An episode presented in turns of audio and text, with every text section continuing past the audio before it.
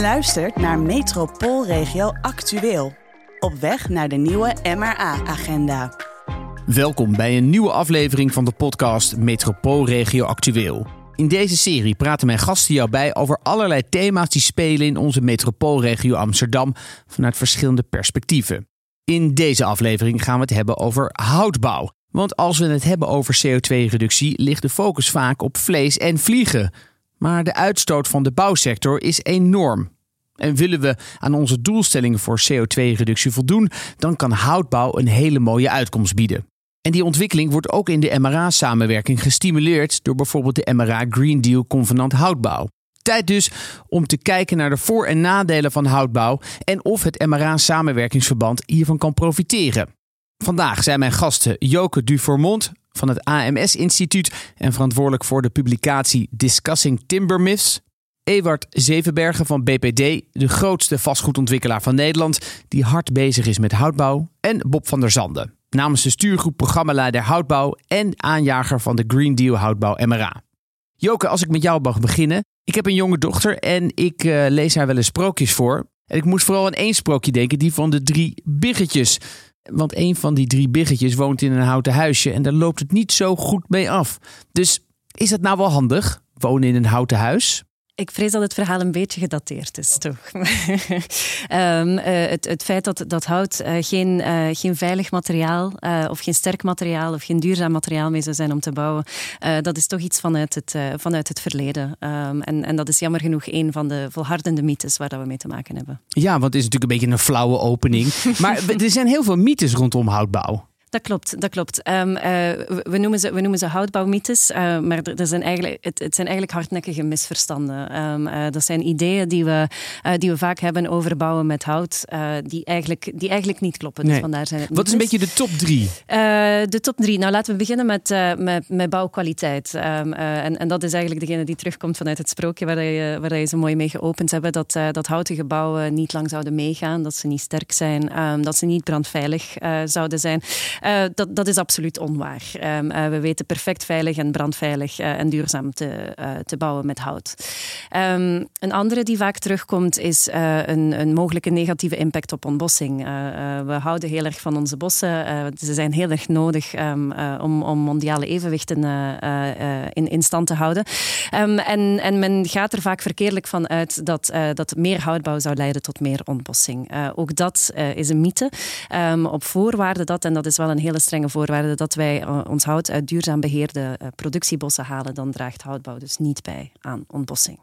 Dus het is eigenlijk gewoon veilig tegenwoordig. Mm -hmm. uh, je kan er heel goed mee bouwen en het is, heeft ook een positief effect op milieu en, en natuur eigenlijk. Klopt. Mits, klopt. mits die belangrijke voorwaarden. Inderdaad, inderdaad. Uh, dus een van de grootste klimaatvoordelen uh, die, we, uh, die we van houtbouw hebben, is het feit dat we CO2 gaan vast, vastleggen in het hout.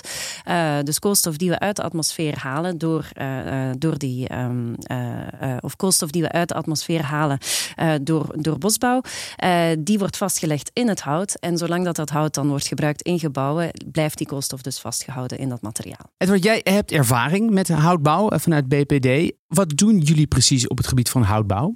In onze regio, ik, ik werk in, in de regio Noordwest, doen we een groot aantal projecten al inmiddels in hout. De bekendste is Switi, ja. hoogbouw, acht lagen hoog. Daar gaan we het straks uitgebreid over ja. hebben. En wij bouwen nu ongeveer 4% van onze productie, heel BPD, ook in hout. En we zijn dat van plan om te gaan vermeerderen. Komt dat vanuit jullie zelf, omdat jullie zien nou dat de houtbouw, dat, dat heeft toch wel heel veel voordelen? Of is dat een druk vanuit de overheid die zegt we moeten groener gaan bouwen? Of waar komt die? Beide.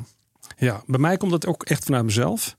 Uh, ik ben wel een believer erin. Uh, ik werk met name ook gewoon in Amsterdam. Je ziet dat Amsterdam is de tenders ook gewoon heel erg aanstuurt op van die verduurzaming.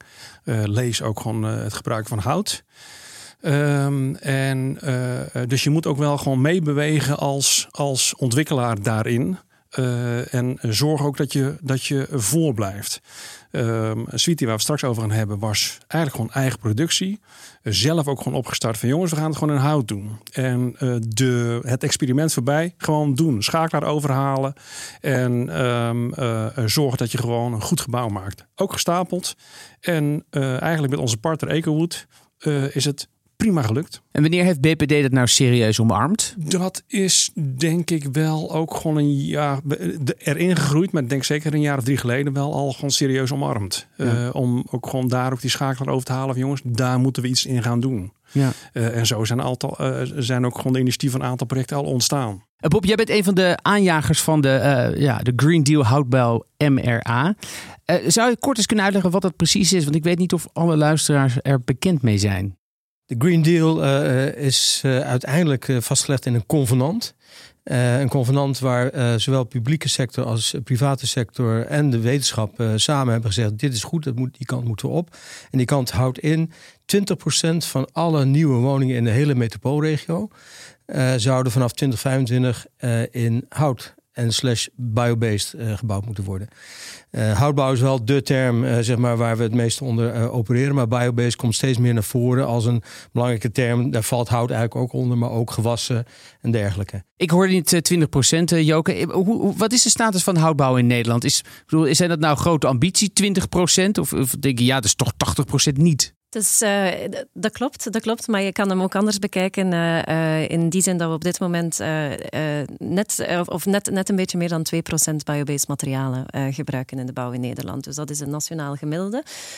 waarvan dat, die, dat, dat we 2% hout en nog eens 0,2, 0,3% andere biobased materialen. Nou, 2% is niet veel. Nee, het zal inmiddels misschien wel richting de 4% gaan. En ik moet zeggen, in Amsterdam is toch wel een beetje de koploper in de MRA en zelfs in Nederland. Daar uh, heeft men nu berekend dat men waarschijnlijk met de projecten die er aankomen op 10% uh, zit, ongeveer nu in de planning. Dus men zegt ja, er moet nog 10% bij. De, maar dat betekent wel dat de rest van Nederland nog behoorlijk achterblijft. En, en de rest van de MRA ook eigenlijk. Hè. Dus ook binnen de MRA heb je koplopers. Dat heb je natuurlijk altijd met zo'n transitie. Nou, dat zijn bijvoorbeeld Zaanstad, Haarlem, Purmerend. Uh, en ook wel Lelystad, hoewel ze nog weinig uh, concreet kunnen laten zien, maar ze zijn wel heel erg voor. En Almere doet ook al het een en ander. Dus um, ja, dat zijn een beetje de grote. Dat zijn ook wel de grote bouwende gemeentes hè, over het algemeen. Ja. Dus die, die, die zien het wel zitten. Hoe ziet die transitie, denk je, eruit? Zeg maar nadat we die 20% gaan halen en dan misschien nog maar 25% en dan misschien naar 30% houtbouw. Is dat iets van de lange adem of denk je dat er een katalysator aan gaat komen dat we echt echt gaan versnellen. Ja, ja, ik denk dat het heel belangrijk is om te beseffen dat we die Green Deal op een relatief korte termijn uh, hebben, hebben opgezegd en, en, en, die ambitie willen gaan, gaan realiseren. Hè. Dus, dus we hebben nog maar uh, een, een, een, tweetal jaar om ze, om, om ze te halen. Um, dus dat is de relatief korte termijn. Tegelijkertijd, als het over houtbouw gaat, weten we dat het technisch mogelijk is. Dus dat is iets wat we op dit moment gewoon al doen en gewoon al kunnen. Uh, dus is, is het een kwestie van die hele keten daarin mee te nemen, daarop voor te bereiden. Um, en van dus ook van die, van die industrie van het beleid rond te gaan, te gaan uitbouwen. Dus ik heb er echt wel goede hoop in dat dat, dat, uh, dat, dat ook uh, zo, zo gaat versnellen. Uh, tegelijkertijd is een hele grote of belangrijke katalysator die eraan zit te komen, is dat we echt op koolstof kunnen gaan sturen vanuit, van op Europees niveau. Ja, is het dan zo dat er dus wel interesse is, maar dat marktpartijen toch een beetje argwanend kijken tegen houtbouw? Um, nou, als ik, als ik eventjes voor de consumentenkant spreek en, en dan uh, de marktpartijen aan, aan tafel aan het, aan, aan het ja, die, die geven zo de, Inderdaad, er is dit, dit jaar is er net een onderzoek gedaan naar uh, een consumentenonderzoek naar acceptatiegraad van, van houtbouw. En daaruit is gekomen dat meer dan een derde procent, uh, meer dan een, een derde um, van de woningzoekenden een, een houtbouwwoning zouden zien zitten. Um, en dat dat derde nog, nog heel veel hoger zou uitvallen op het moment dat we die, die houtbouwmythes waar we het net over hadden, dat we die uit de wereld zouden helpen. Ja, hoe zit het ermee, de uitdagingen in de markt? Uh, ja, ik, ik, ga een klein stukje nog terug in jullie verhaal van... joh, uh, um, waarom gebeurt er nog zo weinig? Uh, een aantal jaren geleden is natuurlijk gewoon het kookpannetje is, op het vuur gezet. en net als bij een ei koken gaat eerst gewoon het water koken... en dan gaat pas ook gewoon dat ei gaat, gewoon, hard worden. Zo moet je denk ik ook gewoon zien bij de houtbouw. je ziet dus overal nu bedrijven gewoon bezig zijn. Er is volop beweging bij ieder, bij ieder ontwikkelaar.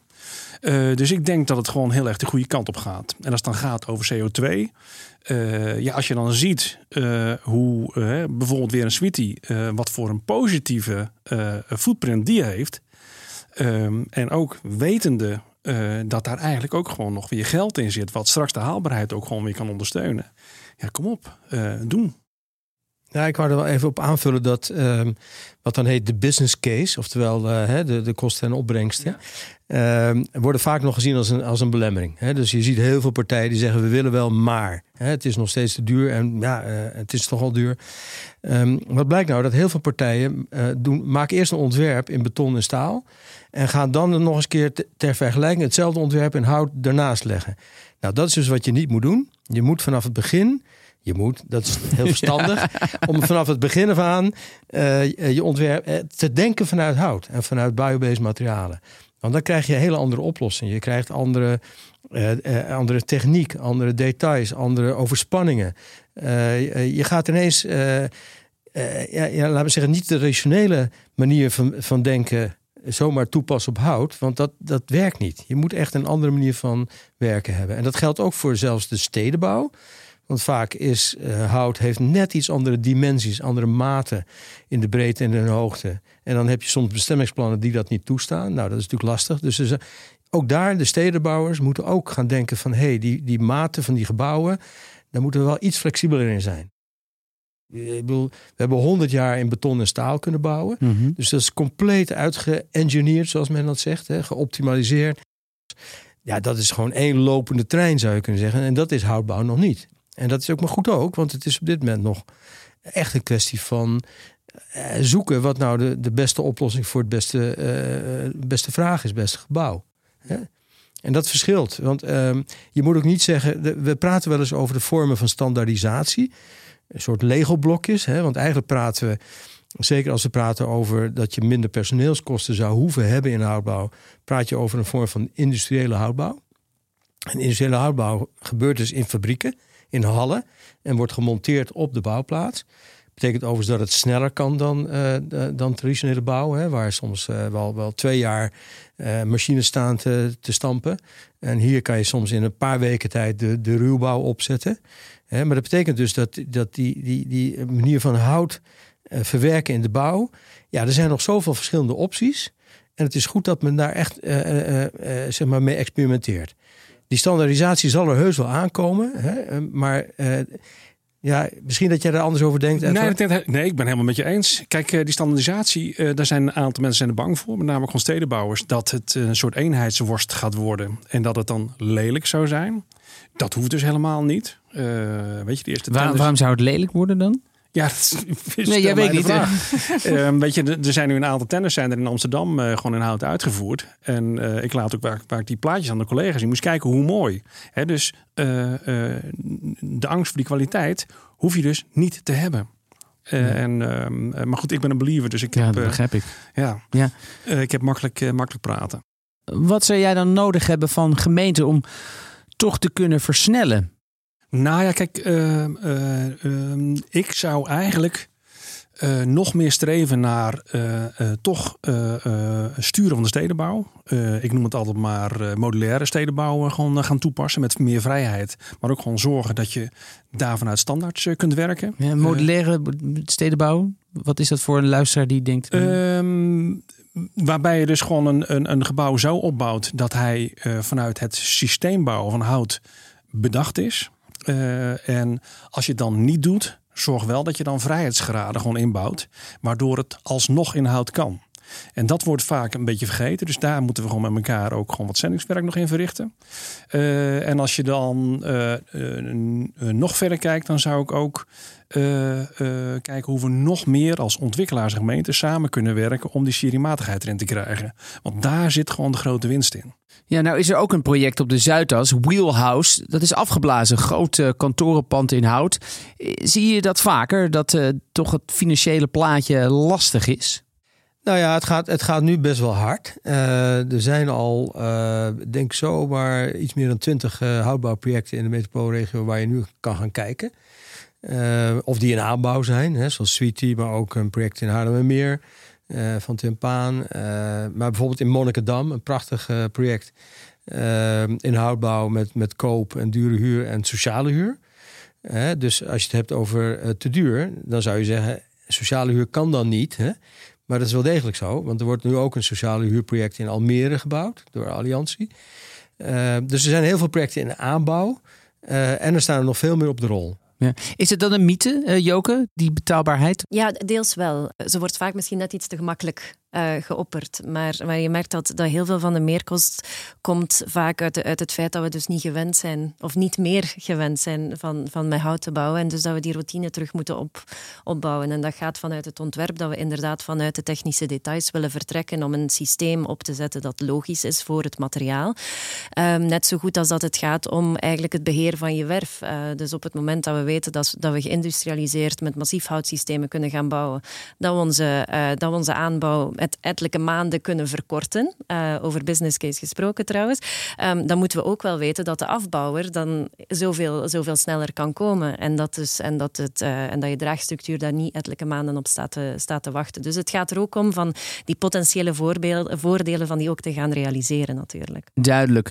Voor we straks naar een mooi voorbeeld gaan uit Amsterdam Zuidoost, is het eerst tijd voor onze rubriek Rondje van de regio.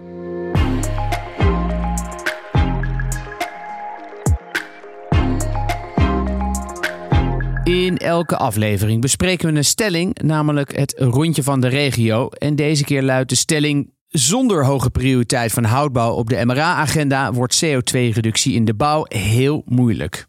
We hebben een reactie ontvangen. Laten we er eerst eens eventjes naar luisteren. Nou, ik ben het niet eens met die stelling hoor. Net alsof die ontwikkelaars denken, als ze de MRA-agenda hebben gelezen: oh ja, ja, nee, nu voel ik me wel verplicht om in hout te gaan bouwen. Nee, er moet vooral in landelijke wetgeving vastgelegd worden. Ja, MRA-agenda is hartstikke leuk en dat samenwerksverband. Maar ja, het maakt toch allemaal niet zoveel uit. Het gaat om landelijke wetgeving. Nou, ik wil er wel wat op zeggen. De, het convenant houtbouw met die 20% heeft absoluut een effect gehad op de markt. En dat hoor ik niet alleen natuurlijk van de mensen die al believer zijn, maar ook van andere marktpartijen. Die hebben gezegd, ja, maar ja, als het echt serieus nu wordt, die kant op gaat, en 20% is een flink marktaandeel, dan wil ik daarbij horen. Ja, ik zeg het even heel plat in, in commerciële termen. En het andere is dat bijna iedereen zich wel bewust is van dat die CO2-uitstoot te hoog is. Um, maar dat heel veel partijen denken, ja, moet ik nou de eerste zijn? Weet je wel, uh, laat anderen maar eerst gaan. Maar op het moment dat die 20% zo duidelijk op de, op de agenda stond hè, van de MRA, gebeurde er wat. En dat gebeurde zelfs landelijk. Hè. Dus ook landelijk kijkt men, zelfs Europa kijkt nu naar naar, naar de MRA. Want die zeggen ook van ja, jullie zijn eigenlijk frontrunner. Want we hebben eigenlijk nergens in Europa zo'n duidelijke doelstelling om die 20% te halen. Joke, wat vind, jij ervan? Je, kan zo ook zeggen, ja, weet je, er zijn ook andere manieren om CO2-reductie in de bouw voor elkaar te krijgen. Dus houtbouw is leuk, maar misschien kun je wel inzetten op andere initiatieven. Ik denk dat er, dat er twee, uh, twee zaken staan die ervoor zorgen dat wij een beetje, of dat, dat, dat, we, dat we voor voldongen feiten staan. En dat is enerzijds de gigantische impact uh, van bouw en het, en, het, en, het, en het heel grote verbeterpotentieel dat houtbouw daarin levert. Enerzijds. En anderzijds de timing. Um, en dat is dat we de komende tien jaar heel veel moeten bouwen uh, in Nederland. En dat de komende tien jaar net zo cruciaal zijn voor de klimaattransitie. Daar kunnen we niet omheen. Punt. Edward. Um, weet je, voor uh, die gekke ontwikkelaars helpt landelijke regelgeving altijd. Dus die moeten toch wel ook gewoon gedwongen worden om uh, gewoon zichzelf te verbeteren. Uh, als BPD hebben we eigenlijk ook al nu voor onszelf gezegd van joh, binnenkort moeten we gewoon toch 20% voor al onze projecten doen. Dus dus niet alleen MRA, maar ook gewoon de andere projecten.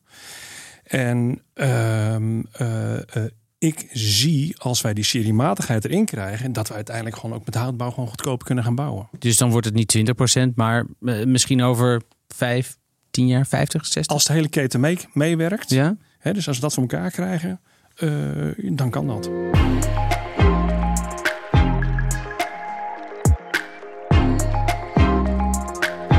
Goed, tijd om naar de praktijk te gaan. Er zijn inmiddels mooie en inspirerende houtbouwprojecten te vinden in de regio. Zoals bijvoorbeeld wonen in Sweetie in Amsterdam Zuidoost. Uh, Edward, kan jij ons wat meer vertellen over dit project?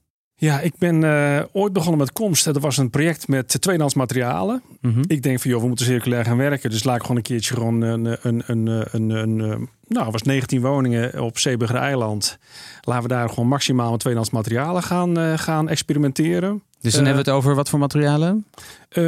Gebikte stenen, tweedehands dakpannen, gebruikt hout, tegels, noem maar op allemaal. Uh, was een leuk experiment. Ook heel veel CO2 uh, ook bespaard. We hebben toen met de Bolk een berekening laten maken. En eigenlijk op de besparing van per woning konden we gewoon een gemiddelde Nederlandse auto twee jaar rondjes laten rijden. Hm. Nou, over de aarde. Eh? Over de aarde. Over, ja, over de aarde, waar dan ook. maar ik moet wel zeggen, als je het hebt over garanties enzovoort, was dat een uitdaging. Want daar hebben we ook gewoon naar onze klanten toe uh, toch wel uh, onze aannemers een soort afkoop moeten regelen. Omdat binnen de regeltjes ook van woningborg te krijgen. Ja, dan komst 2 dacht ik van joh, dat, dat wordt de next step. en uiteindelijk hebben we dat in het traject omgegooid. En toen zijn we compleet op hout eh, gegaan. En daar heb je dus ook gewoon die garantienadelen heb je gewoon niet meer. Wij zijn een beetje aan het stedenbouw gegaan. En we hadden eerst een toren van volgens mij eh, iets met 160 eh, woningen. We denken altijd groot als ontwikkelaar. Dat is omwille van de buurt is dat iets omlaag gegaan. En de acht lagen die het nu is. en de gemeente zei van joh, je mag het doen, dat torentje. Maar je moet hem wel ook binnen de middenkoopregeling houden van de gemeente Amsterdam. Nou, dat hebben we toen gedaan. compleet in hout. En ik heb toen ook uh, onze partner Ekenwood Houses heb ik uh, gezegd: joh, één ding. Ik heb andere projecten gezien. Uh, maar ik ga geen excuus liftschacht van beton ga ik tolereren. Dus compleet in hout. Nou, dat is dus gelukt. Dus we hebben een, een, een torentje gemaakt, acht lagen hoog, met 45 startersappartementen erin. En we hebben nog 24 rijwoningen. Compleet in hout. er zit ook houtisolatie zit erin. En um, een soort houtskeletbouw waarbij bij die houtskeletbouw alle spouwen zijn ingeblazen met een soort houtvezel. Vindt iedereen, met name de brandweer, heel spannend. Alleen dat hebben we ook gewoon getackeld. Uh, dus dat is gewoon goed uh, gekomen. Je had het net ook over garanties. Ik kan me voorstellen dat er ook uh, bij houtbouwprojecten zoals Sweetie gemeentes zijn die onbekend maakt, onbemind. Dus die weten niet precies hoe dat nou werkt. Ook misschien met mensen die het kopen en die zeggen: ja, ik moet een opstalverzekering hebben. En dat de verzekering zegt: oh, wacht even houtbouw, hoe zit dat precies? Kan je daar wat meer over vertellen? Ja, we hebben met name ook uh, bij, uh, bij de, de, de, brandveiligheid en ook uh, geluids, bij het geluid bij de toetsing van de gemeente hebben daar geen probleem mee gehad. Alleen je zag wel dat de gemeente daar wel mee worstelde. En die hebben gewoon adviseurs extra ingeschakeld. En dat is gewoon allemaal gewoon getackeld. Omdat je gewoon kunt laten zien dat het ook gewoon allemaal veilig is. En ook gewoon uh, ja, weet je, ook gewoon qua geluid uh, gewoon, uh, gewoon goed. Ehm, dus dat is eventjes gewoon, noem ik maar eventjes nog het leereffect wat je nu dus hebt. Bij een volgende gaat het veel makkelijker. Ja, dat begrijp ik. Als we dan naar de consumenten kijken, Joke, die zien houtbouw toch zitten? Klopt. Dit jaar is er een onderzoek uitgevoerd uh, naar acceptatie van, uh, van hout als een bouwmateriaal uh, naar de, de woningzoekenden in Nederland. En daar is uitgekomen dat meer dan een derde van de huidige woningzoekenden een houten woning zouden overwegen. Um, waarbij dat nog eens tot, tot de helft, denk ik, zou stijgen op het moment dat een aantal houtbouwmythes uit de wereld zouden geholpen worden. Dus vandaar ook weer het belang van die, van die juiste informatie en van die mythes, onder andere over brandveiligheid, uit de ja. wereld uit te helpen.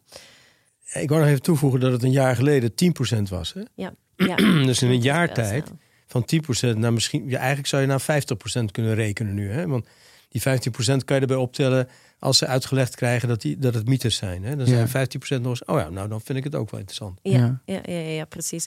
Um, en daarbij komt nog dat, uh, dat houten gebouwen, je zei het net, het, ze, zijn, ze zijn heel aangenaam om in te vertoeven. Um, dus de, de blootstelling aan natuurlijke materialen, die, die hebben uh, aantoonbaar positieve uh, effecten op, op mentaal en fysiek welzijn.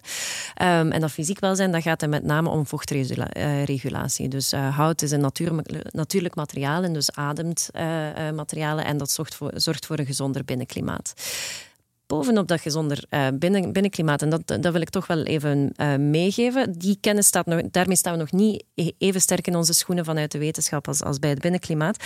Um, maar doordat hout een lichter materiaal is, uh, gaan we ook um, in termen van logistiek en luchtkwaliteit bij ons hier lokaal, dus niet enkel de klimaatvoordelen van, van bouw doorheen de mondiale toeleveringsketens, maar ook wat dat we hier lokaal uitstoten aan fijnstof bijvoorbeeld, is de hypothese dat we dat, dat, we dat zouden kunnen verlagen. Dat hebben we op dit moment hebben we die cijfers niet bevestigd. Dat is een onderzoek dat we op dit moment runnen.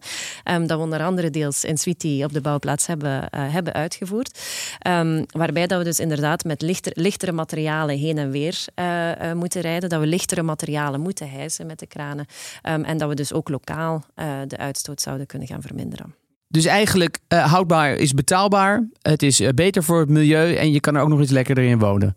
Nou, dat lijkt me een mooie, mooie opsomming zo. Ik wil tot slot nog eventjes aan jullie alle drie uh, vragen. Want we maken deze podcast voor raden en statenleden. Wat moeten zij meenemen? Wat moet de afdronk zijn? Ik denk dat um, raden en statenleden heel zich, heel, zich sterk bewust zouden moeten zijn van welk effect eh, houtbouw en biobased eh, bouwen heeft op de CO2-reductie. Oftewel, eigenlijk haal je de CO2-reductie niet, dat was ook de stelling, als je in de bouw niet flinke stappen maakt. En, en dat betekent dus dat bij elk project bevraagd zou kunnen worden aan de, aan de stedenbouwers, aan de, aan de mensen die het project voorbereiden, door de raad, raadsleden, door de wethouders, waarom, waarom niet meer duurzaam, waarom niet meer houtbouw. Het is wel zo dat uitvraag op houtbouw gebeurt nog bijna niet. Dat kan ook eigenlijk volgens de huidige regels niet, hè, want je vraagt uit op bepaalde prestaties. Maar als die prestaties scherper worden geformuleerd, bijvoorbeeld ten aanzien van CO2, dan komt daar bijna automatisch houtbouw uit nu. Dus het vraag, de vraag goed stellen betekent ook dat je goede antwoorden gaat krijgen uit, uh, uit marktpartijen die wel willen. Hè. Dus heel veel marktpartijen willen echt wel.